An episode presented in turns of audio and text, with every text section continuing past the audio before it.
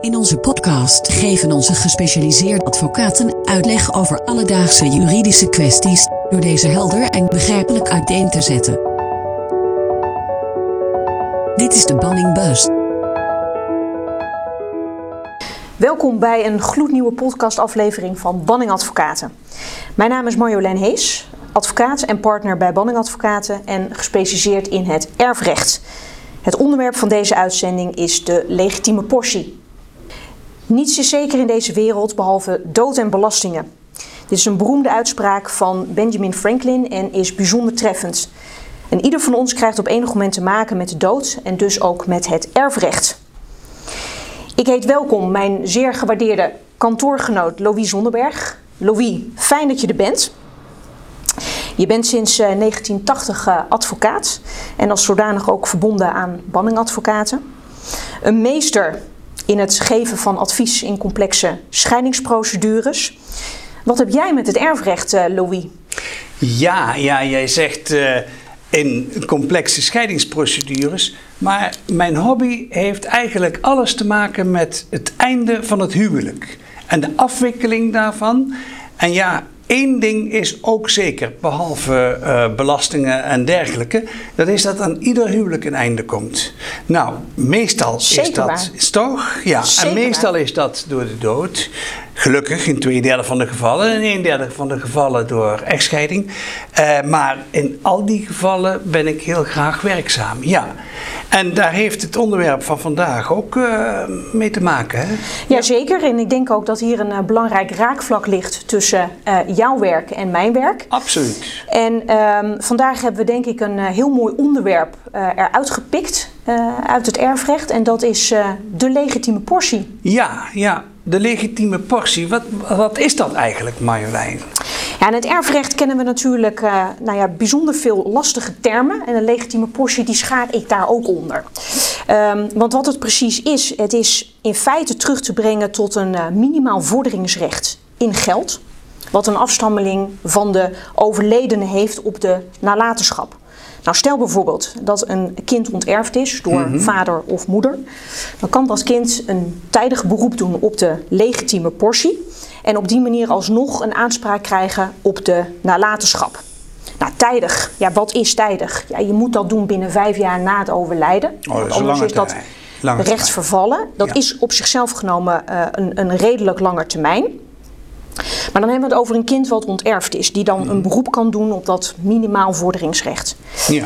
Wat mensen wel eens vergeten is dat als een kind wel onterfd is, of wel erfgenaam is, dus niet is onterfd, eh, dat zo'n kind ook een beroep kan doen op de legitieme portie. Alleen dan in aanvullende zin. En wat je dan krijgt is dat dat kind feitelijk uh, uh, een vergelijk gaat maken tussen wat is nou precies mijn erfdeel aan de ene kant. En vervolgens, wat is precies mijn minimaal recht uit hoofde van de legitieme portie? En stel nou eens heel even in de uitzonderlijke situatie dat dat erfdeel dan toch lager is dan dat minimale recht. Ja, dan heeft dat kind dat erfgenaam is, ja, dan toch een aanvullende aanspraak om dan toch dat minimale deel te halen. Ja, maar hoe, hoe kan dat eigenlijk? Dat het erfdeel lager is dan de legitieme portie? Want het is toch eigenlijk zo dat die uh, legitieme portie is toch een fractie van dat erfdeel? Ja. Nou, we komen er ongetwijfeld zo nog even over te spreken. Okay. Uh, maar uh, dit, is, dit is een hele terechte vraag die je stelt. En dat heeft alles mee te maken met de wijze waarop je een erfdeel berekent. In vergelijking tot hoe je een legitieme portie berekent. Dat zijn namelijk twee verschillende rekenmethodieken. Uh, en dan kan het soms zijn dat de legitieme portie dan toch hoger uitvalt dan wat je erfdeel is. Oh. Dat kan in een uitzonderlijke situatie. Um, uh, uh, eigenlijk, en dan verklap ik al een klein beetje de crux, komt dat door schenkingen die een overledene gedaan heeft bij leven. Nou, die tellen voor de berekening van de legitieme portie mee. Ik zeg het nu even heel kort door de bocht. Zometeen komen we daar later over te spreken. Maar die tellen feitelijk voor de berekening van de legitieme portie mee. En stel nou eens heel even dat de overleden vader gewend was om heel veel schenkingen te doen bij leven. Ja, dan merk je al, dan kan soms die legitieme portie, omdat daar rekening mee wordt gehouden, dus een stuk hoger uitvallen dan wat het erfdeel is. Oh ja, ja, ja. Ja, ja ik, ik hoorde jou enige tijd geleden zeggen dat. Uh, dat je als je beroep doet op de legitieme, hè, dus een legitieme portie, dat je dan een vordering krijgt, een vorderingsrecht hebt in geld. Ja. Maar hoe, hoe, zit dat dan? Nou ja, als je erfgenaam bent, dan heb je recht op een, uh, op een erfdeel. En dat is feitelijk een deel van de nalatenschap waar je dan als erfgenaam recht op hebt. En de nalatenschap bestaat natuurlijk in de regel niet alleen maar uit banktegoeden. Vaak zit er een huis in, een auto. Denk aan een aandelenportefeuille. Ja. En op het moment dat je erfgenaam bent, heb je daar dus uh, recht op. Uh, en bij de verdeling van die goederen uh, uh, kan het bijvoorbeeld zo zijn dat je als erfgenaam dan zegt van nou, hè, ik wil wel het huis overnemen. Ja. Nou, dan krijg je feitelijk natuurlijk je erfdeel dan betaald in goederen. Ja. In objecten van stoffelijke aard, zoals dat dan wij dat noemen. Um, uh, als je een beroep doet op je legitieme portie, en die personen noemen wij een legitimaris, om het maar even wat makkelijker te maken, dan heb je geen recht op ontvangst van jouw minimale deel in uh, objecten van stoffelijke aard. Je hebt alleen recht op geld. Ja. Uh, he, dus vandaar dat ik zeg, uh, de legitieme portie is feitelijk een vorderingsrecht in geld. Je hebt recht op geld, je hebt niet recht op goederen. Oké, okay. maar kan je dan ook Stel dat je erfgenaam bent hè, en dat je eigenlijk niet weet uh, hoe het precies zit.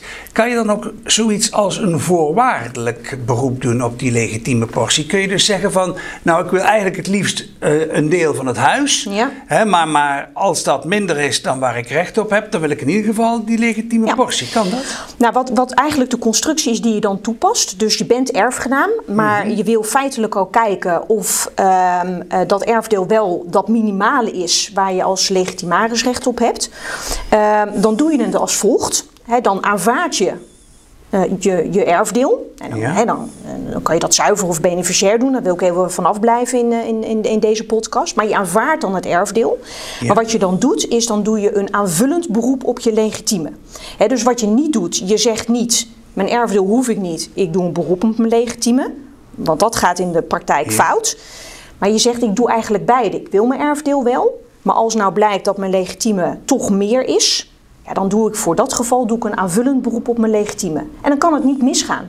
Want stel dat die legitieme dan toch lager blijkt te zijn, dan heb je je erfdeel ingeroepen. Ja. En is die hoger, ja, dan pak je dat stukje ook nog als erfgenaam mee. Dus dat gaat, als je het op die manier doet, eigenlijk in de regel altijd goed. Oké, okay, ja, ja.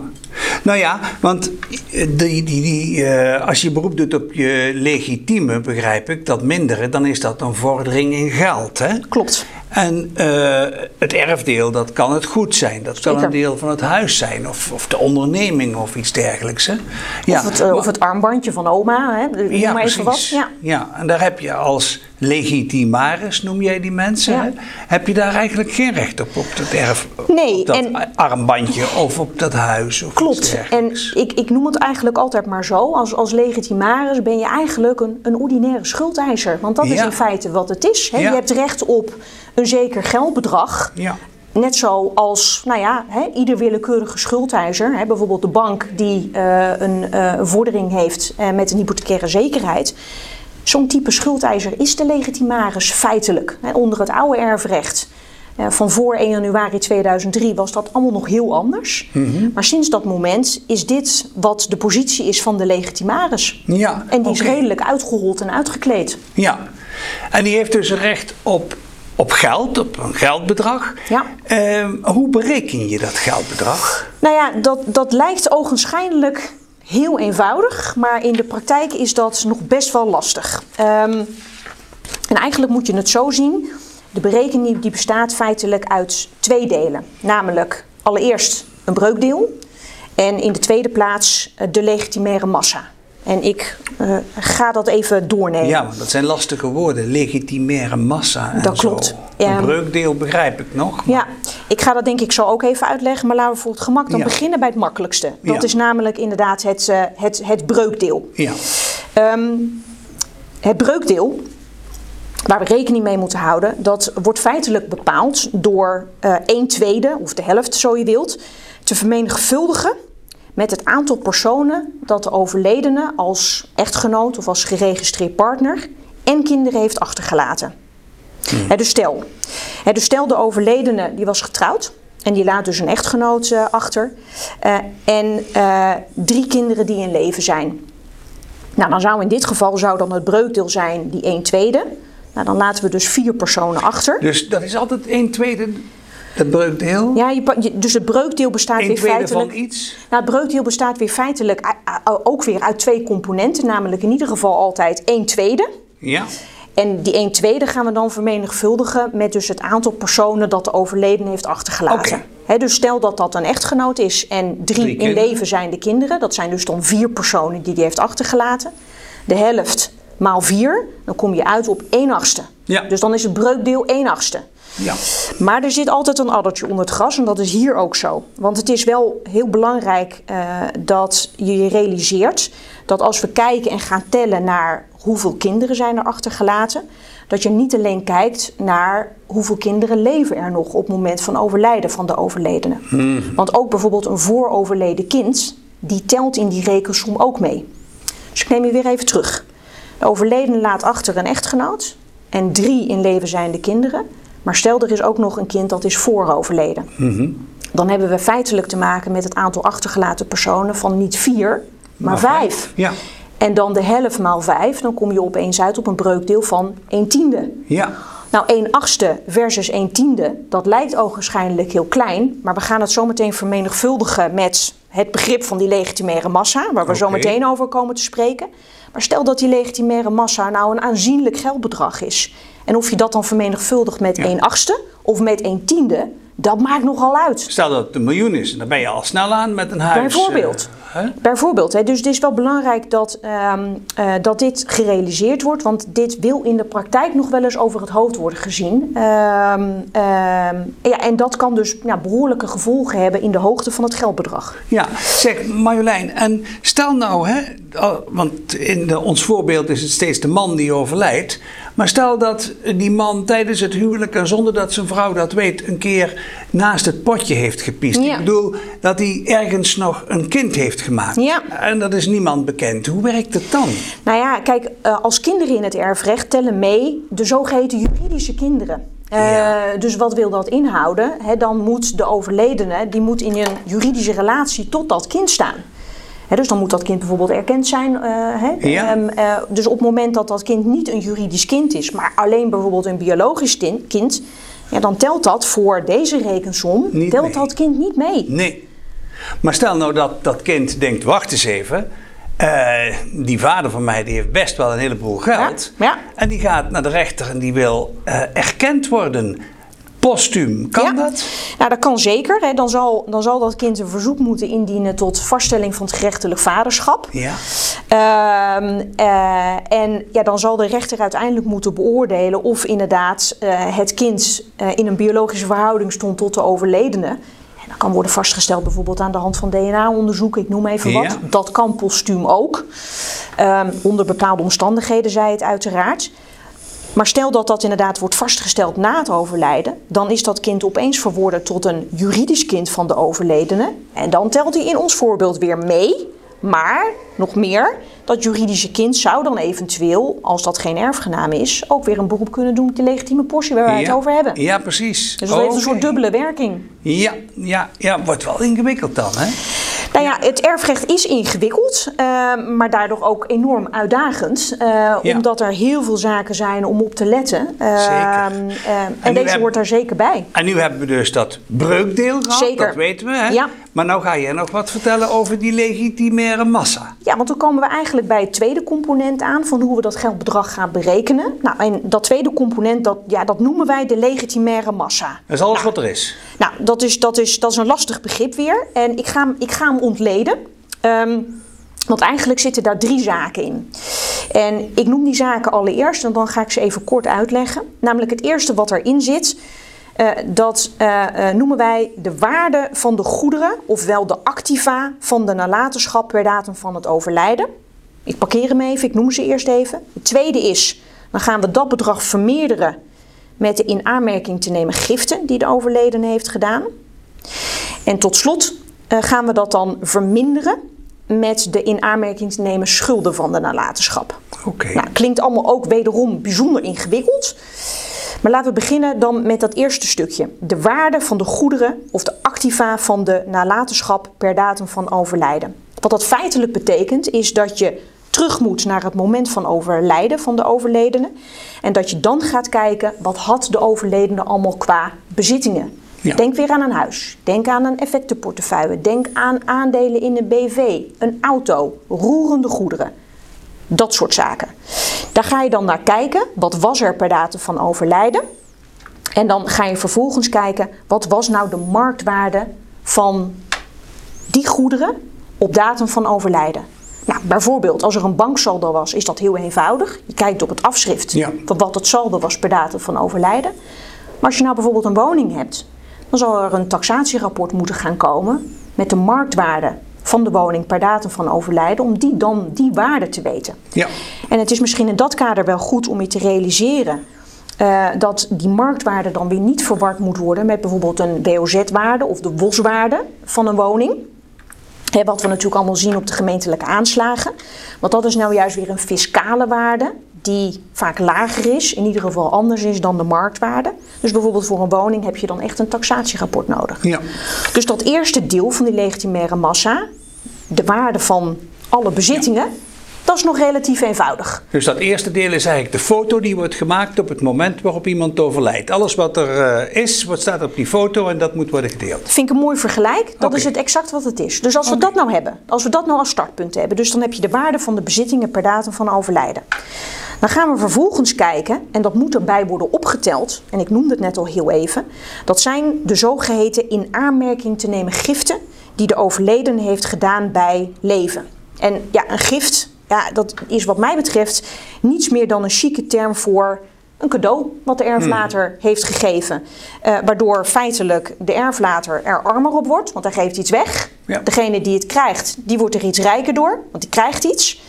Ehm, en eh, eh, de overledene die het weggeeft, ja, die heeft natuurlijk de bedoeling om dat cadeau te geven. En om eh, degene die het ontvangt daarin, daarin te bevoordelen. En tellen die giften dan ook allemaal mee? Ja, niet iedere gift telt mee, want daarom heet het begrip ook de in aanmerking te nemen giften. Oh ja. Want dat zegt feitelijk al, niet iedere gift telt mee. Ja.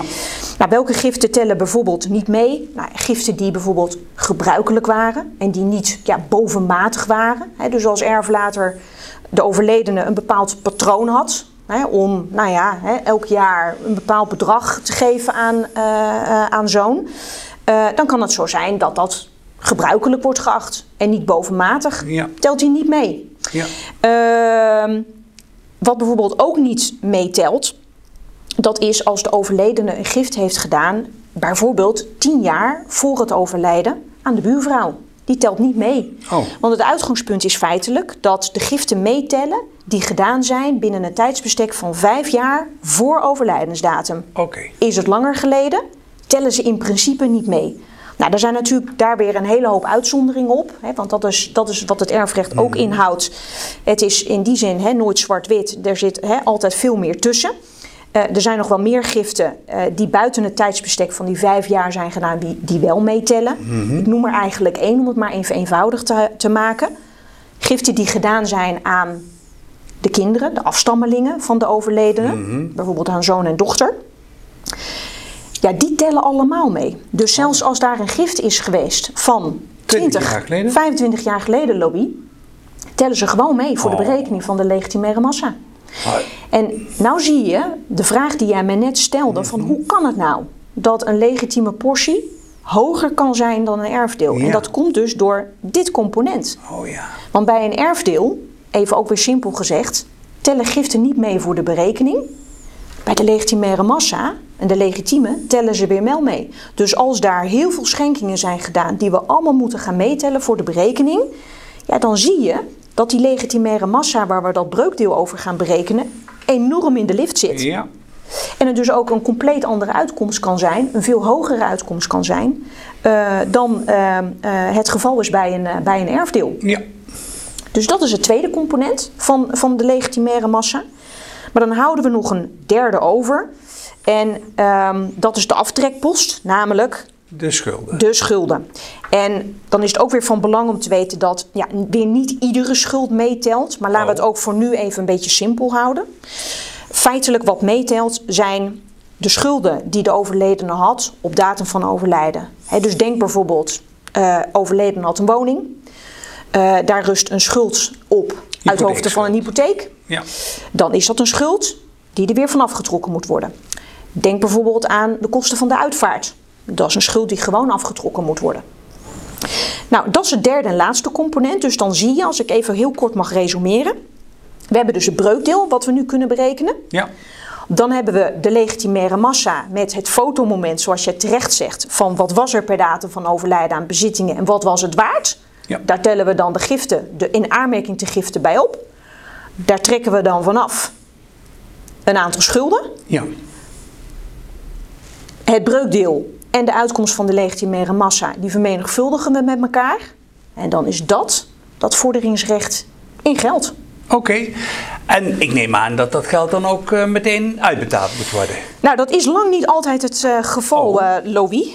Um, want um, de, de aanspraak uit hoofde van de legitieme portie, mm -hmm. die kan zijn uitgesteld. En um, dan moet je vooral denken aan een, aan een situatie waarin de overledene een testament heeft gemaakt. Waarin aan de achtergebleven echtgenoot feitelijk de hele nalatenschap is gegeven. Ja. Um, en in de regel is het dan zo dat de legitieme portie dan niet opeisbaar is. En dat die dan pas opeisbaar is, pas uitbetaald moet worden op het moment dat de langslevende echtgenoot is overleden. Dus dan moet je wachten. Dan moet je letterlijk wachten totdat uh, de langslevende echtgenoot inmiddels ook is overleden. Zo, maar als vader dan is uh, hertrouwd met een uh, jonge, jonge dame. Bijvoorbeeld. 30 jaar uh, jonger. Hè? Heeft hij goed gedaan. Maar vader die overlijdt met zijn tachtigste. Ja. ja, dan is die pas 50 jaar. Dan heb je twee jaar erover gedaan om te weten hoe groot het bedrag is dat jij krijgt als je beroep doet op je legitieme. En dan mag je 30 jaar wachten, want tot het moment waarop die mevrouw weer 80 is en, en eindelijk gaat overlijden. Begrijp ik dat zo? Je slaat de spijker op zijn kop, oei, want oei. want dat, dat is een situatie die kan ontstaan. En dan, ja. de gedachte daarachter is, is dat de langslevende echtgenoot... Ja, die moet feitelijk ongestoord kunnen voortleven. En ja, als kind, als, niet, als onterfd kind, kom je dan op een soort tweede plan terecht. En dan zul je echt letterlijk moeten wachten... Uh, totdat de langslevende echtgenote er, uh, er niet meer is. En dat kan in het voorbeeld wat jij geeft, ja, kan dat onwijs zuur zijn. En kan er dus heel veel tijd tussen zitten voordat je dan uiteindelijk uitgekeerd krijgt als kind zijnde waar je minimaal recht op hebt. Oh, maar dan zou je eigenlijk als kind je vader moeten kunnen verbieden om te hertrouwen. Um, ja, nou volgens mij kent de wet nog niet uh, de, de, de, mogelijkheid daartoe. Maar um, uh, dit zie je wel van mijlen, uh, van mijlen ver zie je dit aankomen. Ja, hè, dat als, als vader nou ja, het plan heeft opgevat om inderdaad met een, met een vrouw te trouwen met veel jongere leeftijd. Dat dit zich op enig moment kan gaan voordoen. Ja, ja, ja.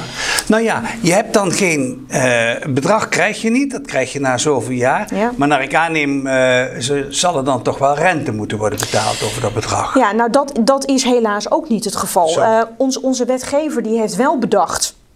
Dat zou wel eerlijk zijn dat er in ieder geval wel een, een rentecomponent mm -hmm. telt voor de legitieme Ja. portie. Um, alleen wat onze wetgever heeft gedaan, die heeft gezegd: uh, de, er gaat alleen rente beginnen te lopen op het moment dat de wettelijke rente hoger is dan 6% op jaarbasis. Nou, dat is voorlopig nog niet zo. Nou ja, al, al, al jarenlang Nee. uh, uh, staat de wettelijke rente rond de koers. Hij is nu 2%, maar uh, dat, dat staat hij ook al wat langere tijd. Maar 3, 2% is het geweest. Ja. Um, en het ziet er ook niet naar uit dat dat op hele korte termijn dat die wel uh, uh, richting de 6% en hoger zal zijn. En dat betekent dus dat op dit moment in de praktijk, als je moet wachten totdat je je legitieme portie uitgekeerd gaat krijgen, dat je daar dus geen rente over vergoed Nee. krijgt. Zo, ja. Ja, En dan kom je er mooi bekaaid bij af als uh, legitimaris. nou en of. Ja, trouwens, ehm, wie moet dan uiteindelijk dat geld aan die legitimaris betalen? Is dat dan die nieuwe echtgenote? Moet die dat dan doen? Nou ja, de vordering die de legitimaris heeft, dat is een vorderingsrecht op de nalatenschap. Nou, en wie, wie is de nalatenschap? Dat zijn in feite de erfgenamen. En ehm, nou, dat kan heel goed de langslevende zijn. Uh, maar goed, dat kunnen ook net zo goed de kinderen zijn. Ja. Alleen waar we het hebben net over een legitieme portie kan niet opeisbaar zijn. Mhm. Die situatie die speelt feitelijk alleen op het moment dat er dus een langslevende echtgenoot is. Stel die is er niet, maar je hebt wel te maken met broers en zussen en die zijn de erfgenamen, die krijgen de nalatenschap in handen. Dan moet er wel gewoon afgerekend worden. Ja, ja, ja, ja. Dus dan heb je eigenlijk een vordering op je broers en zussen. Dat is het. Als dat. eh, Klopt. ja. En die moet dan als eerste worden betaald uit de nalatenschap. Nou, de broers en zussen zijn dan de erfgenamen. Ja. Wat er dan overblijft, ik zeg het maar weer heel even eh, heel simpel en kort door de bocht. Ja, dat is dan feitelijk voor de erfgenamen. Ja, nou, ja, ik vind persoonlijk dat kinderen recht hebben op de nalatenschap van hun ouders, hè, als het er op aankomt. En eh, ik vind eigenlijk persoonlijk ook dat dat erfdeel dat dat gewoon zou moeten, in zijn geheel zou moeten worden uitgekeerd. Als je vijf kinderen hebt, dan eh, heeft ieder een vijfde deel, vind ik. Maar eh, daar wordt ook tegenwoordig wel heel wat anders over gedacht. Hè?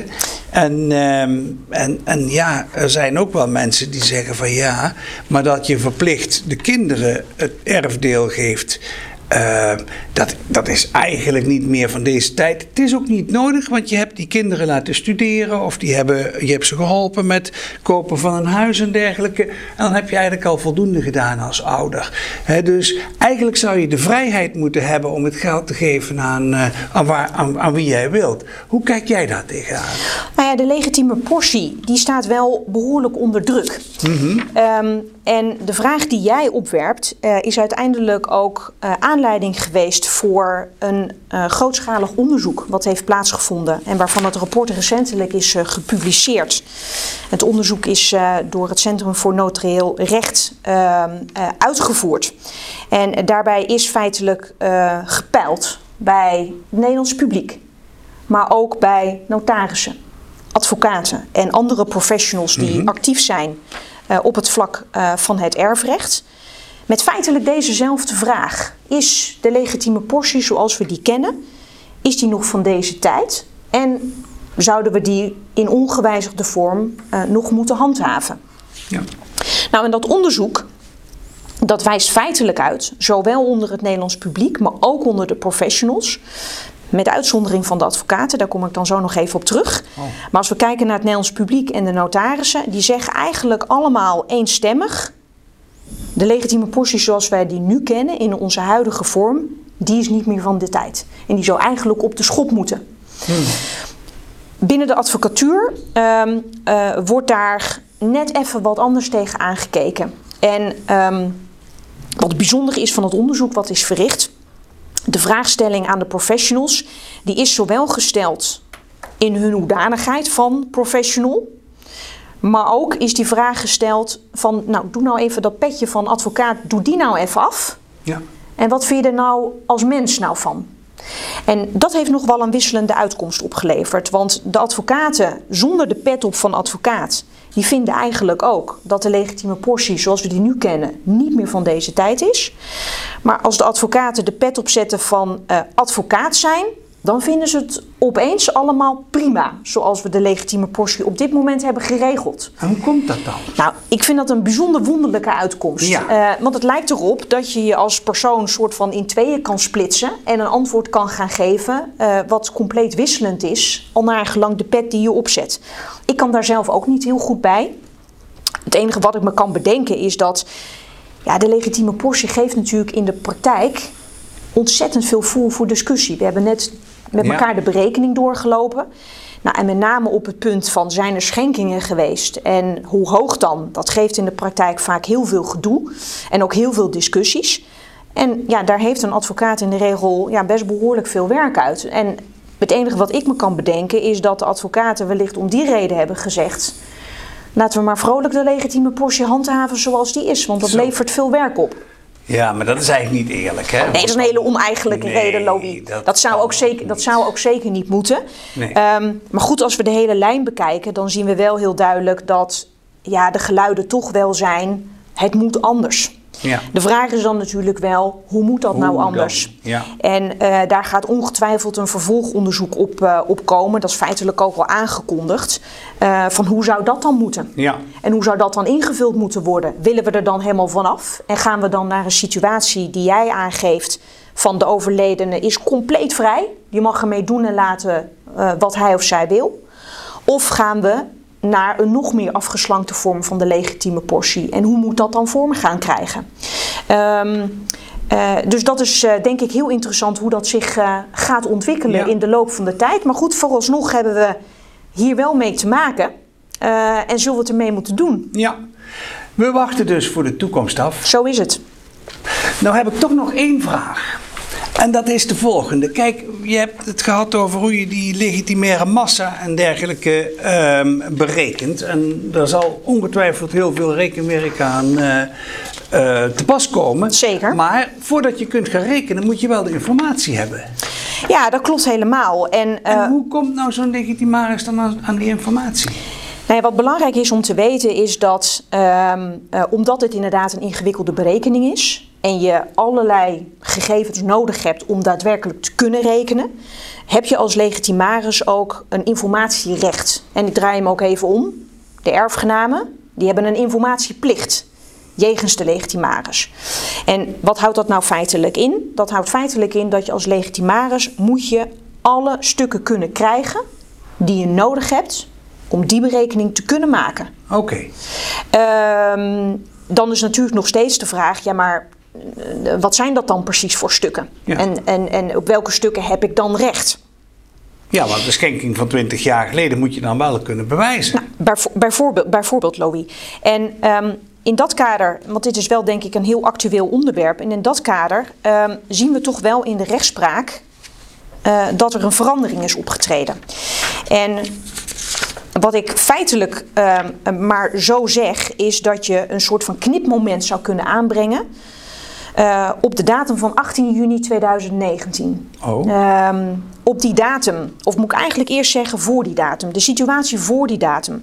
Als we dan kijken naar de rechtspraak, dan zien we eigenlijk daarin dat eh, rechters het unaniem eh, met elkaar eens waren dat een legitimaris alle gegevens kon opvragen die hij of zij dacht nodig te hebben. Dus bijvoorbeeld die schenking die jij net noemde. Ja. Maar laten we dan even iets, iets korter in de tijd teruggaan. Bijvoorbeeld vijf jaar, zes jaar terug in de tijd. Dan kon die legitimaris, die kon dan zeggen... nou, ik doe, doe mij graag bankrekeningafschriften van nou, zes, zeven jaar terug in de tijd. Zodat ik zelf kan kijken, wat is daar gebeurd en zitten daar schenkingen in. Nou, de rechtspraak voor 18 juni die was onwijs eh, ruimhartig in dat vlak. Eh, en als legitimaris had je zonder meer recht op die stukken.